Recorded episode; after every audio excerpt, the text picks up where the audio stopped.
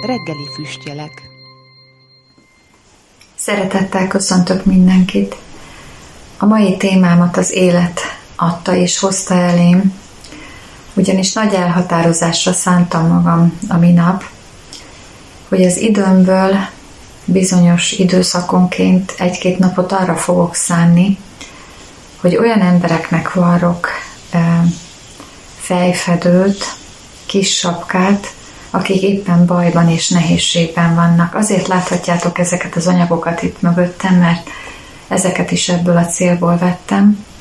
Olyan embereknek, akik éppen kemoterápia alatt vannak, és elveszítik a hajukat, és ennek kicsit elfedésére, ahogy szokták ilyenkor kemósapkákat hordanak, vagy parókát, és nagyon mélyen a szívemig hatott ez a dolog, mert ismeretségi körömben sokan vannak így, akik betegek lettek, és ennek kapcsán jutott eszembe az, hogy milyen nehéz nekik megélni fiatalkorukra azt, hogy, hogy valamivel most nem rendelkeznek, ami a díszük lehetne, és szégyellik, és amúgy is nehéz lelki válságok vannak, nehézségek mennek rajtuk keresztül és mélyen megrendített, hogy mivel is tudnék én hozzájárulni ahhoz, hogy segítsek, és akkor eszembe jutott, hogy ha gyártok egy pár ilyen kis sapkát, és szívesen odaadom, akkor talán tudok a nehézségeken könnyíteni. Mindezek közben pedig eszembe jutott, hogy a Szentírás is beszél arról, hogy szégyen teljes ruhában állunk Isten előtt sokszor, a bűneink következtében olyan, mintha minden ruhánk megfertőztetett lenne, minden szennyes lenne, és ott áll sátán a váldoló Isten előtt, és jogosan mutathat ránk, hogy mi halára ítélt emberek vagyunk, hiszen a szent, igaz, tiszta Isten előtt nincs, nincs mivel dicsekedjünk.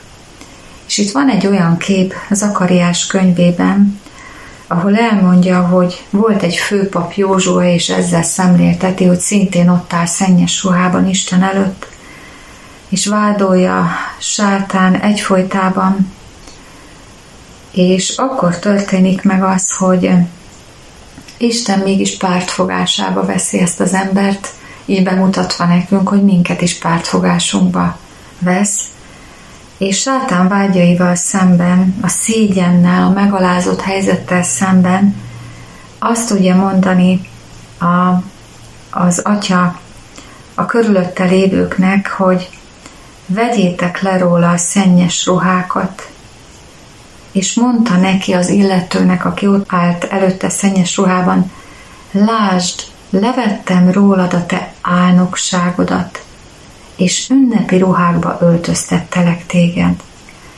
És amiért felolvastam még pluszba, azután mondám, tegyenek fejére tiszta süveget.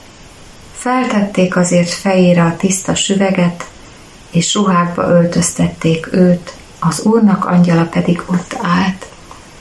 Hogy ebből a szégyen helyzetből Isten, amikor le tudja venni az álnokságunkat, amikor ki tudjuk vele tisztázni, amikor nem védekezünk, belátjuk, akkor a szégyenünk dicsőségé válhat, mert ő az ő érdeme, érdemei által pont az ellenkezőjét adja. A vádolónak bedugatik a szája, tiszta szép ruhát kapunk a világ mindenség előtt, és a fejünkre nem szégyen teljes, szégyelni való sapka kerül, amivel eltakarjuk, elfedezzük, hanem tiszta süveg, olyat, amit Isten készített. És egy másik kép is eszembe jutott, az pedig az új szövetségből, ahol a lélek fegyvereiről ír Pálapostól, és ott van az Efézusi levélben, hogy az öltözet, amivel védhetjük magunkat a, a, az álnokságokkal szemben, azok között találtatik az üdvösségnek sisakja. Ez is egy fejfedő, az üdvösségnek sisakja. És azt mutatja, hogy az az Isten, aki le tudja venni a mi álnokságainkat, és tiszta süveget tud a fejünkre tenni, az biztosan meg tudja nekünk adni az üdvösség sisakját, annak a bizonyosságát, hogy nekünk nincs mitől félnünk, akkor se, ha elkövettünk valami rosszat. A szégyenkezés is, a pirulásunk is, az orcánk pirulása is dicsőségé változik, és biztosak lehetünk abba, hogy örök, igaz életet ad nekünk a jó atya, ha eléállunk, és a szennyes ruhánkat bemutatjuk neki. Ez jutott nekem eszembe, és ezen a földön, még ha vannak is nehézségek, meg még ha szégyenkezünk is, akár a testi fogyatékosságaink, éppen nehéz helyzeteink miatt, de lesz nekünk olyan sapkánk, olyan igazi, amiben nem lesz szégyen.